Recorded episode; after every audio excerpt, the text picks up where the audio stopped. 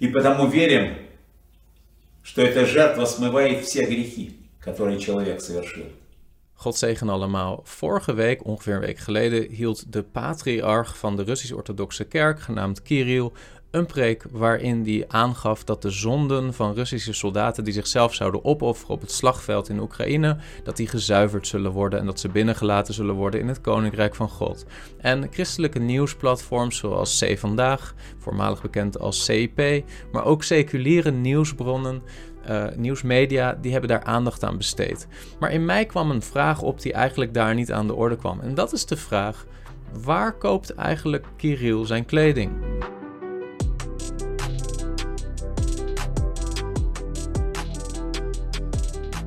Nou, voordat we stil zullen staan bij die vraag, wil ik eerst even een gedachte-experiment met jullie doen. Wat is het verschil tussen patriarch Kirill en een wandelende kerstboom? Even voor de duidelijkheid: links zie je de kerstboom en rechts zie je patriarch Kirill.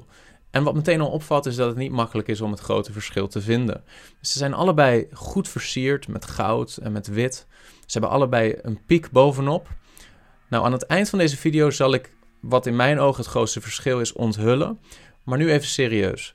De reden dat ik stilsta bij patriarch Kirill is dat nogal veel Nederlanders deze man een week geleden hebben gezien en dat hij regelmatig terugkomt op het nieuws. En veel mensen uh, zullen een beeld krijgen bij het christelijk geloof wat verbonden is aan wat ze zien in patriarch Kirill. En zeggen: is dit nou het gezicht van het christelijk geloof?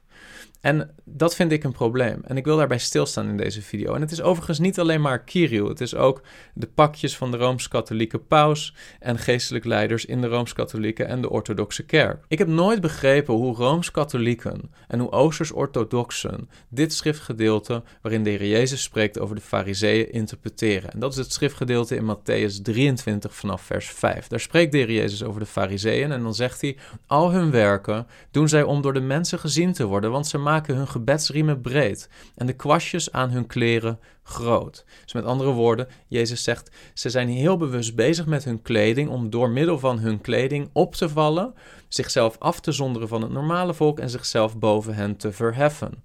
En dan zegt Jezus, ze zijn, vers 6, zeer gesteld op de ereplaatsen tijdens de maaltijden en op de voorste plaatsen in de synagogen.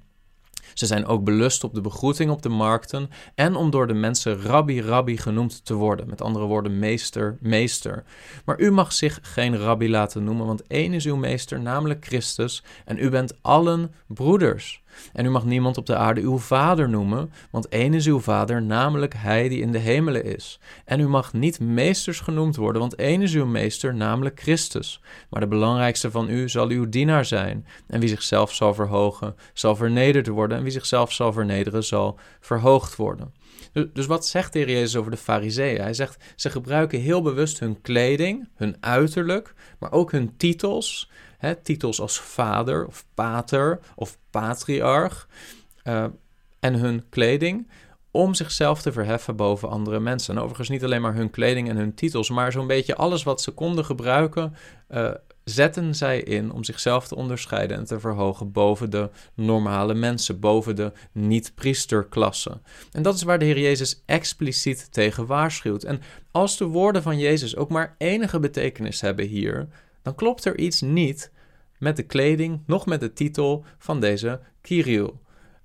Maar je zou kunnen zeggen tegen mij, ja Chris, maar in het Oude Testament hadden de Levitische priesters en zeker de hoge priester, die hadden toch ook speciale kleding? Ja, maar in het Oude Testament was er daadwerkelijk een gebod van God om een klasse apart te zetten, namelijk de Levieten. En binnen die klasse nog een klasse, namelijk de hoge priester. En die klassen te demarkeren met bijzondere kleding. Dat was een gebod van God en dat had ook een functie, een functie van herkenning en een functie van afzondering.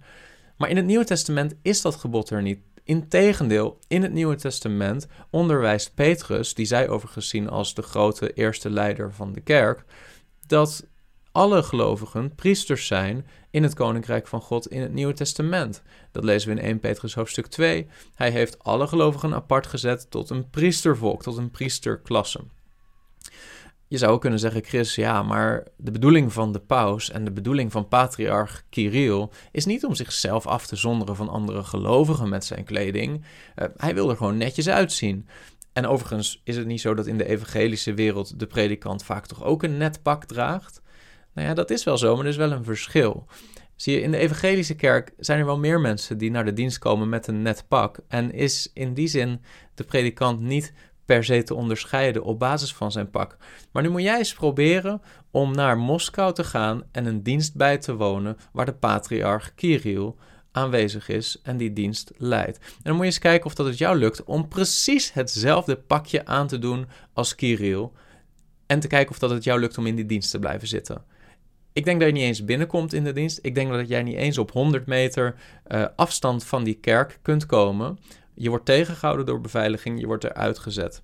En dat geldt net zo goed voor het Vaticaan. Probeer jij maar jezelf te kleden zoals de paus en een dienst op die manier bij te wonen. En als de beveiliging naar je toe komt en zegt: hey, waarom draag jij dezelfde kleding als de paus? Dan zeg je gewoon: ja, omdat hij mijn grote geestelijke voorbeeld is en ik doe precies wat hij doet. Dat argument, daar zullen ze niet heel gevoelig voor zijn. En ik denk dat jij heel snel uit die dienst gezet wordt. Je komt niet eens binnen in de dienst. Maar ik heb nooit begrepen hoe het kan dat de mensen die zo dicht bij de Heer Jezus zouden moeten staan, zoals de paus in de Rooms-Katholieke Kerk of de patriarch van Rusland in de Russisch-Orthodoxe Kerk, hoe kan het zijn dat juist die mensen die beweren zo dicht bij Jezus te staan, de meest eenvoudige geboden van Jezus compleet in de wind slaan over het gebruik van titels en over het gebruik van kleding om jezelf te verhogen boven andere mensen. Ik heb dat nooit begrepen.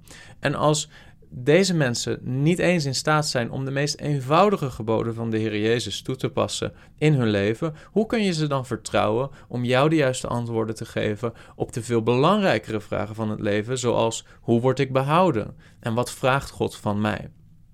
Patriarch Kirill zegt heel bewust te midden van een gedeeltelijke mobilisatie van mannen in Rusland om te gaan vechten op het slagveld in Oekraïne, zegt hij dat soldaten die hun leven geven op het slagveld zichzelf opofferen en daarmee dat hun zonden gezuiverd zullen worden en zij binnen zullen worden gelaten in het koninkrijk van God. Hoe klinkt dat in jouw oren? In mijn oren klinkt dat als verlossing niet uitsluitend op basis van Jezus bloed en Jezus offer, maar verlossing uit eigen werken. In dit geval jezelf opofferen op het slagveld. Dan kom ik weer terug bij de oorspronkelijke vraag die ik stelde. Wat is nou het grote verschil tussen een wandelende kerstboom en patriarch Kirill? En ik zal je helpen. Het grootste verschil is dat de kerstboom minder dwaze dingen zegt. Heb je iets gehad aan deze video? Druk dan op like en wil je vaker dit soort apologetische video's zien? Abonneer je dan op dit kanaal. God zegen.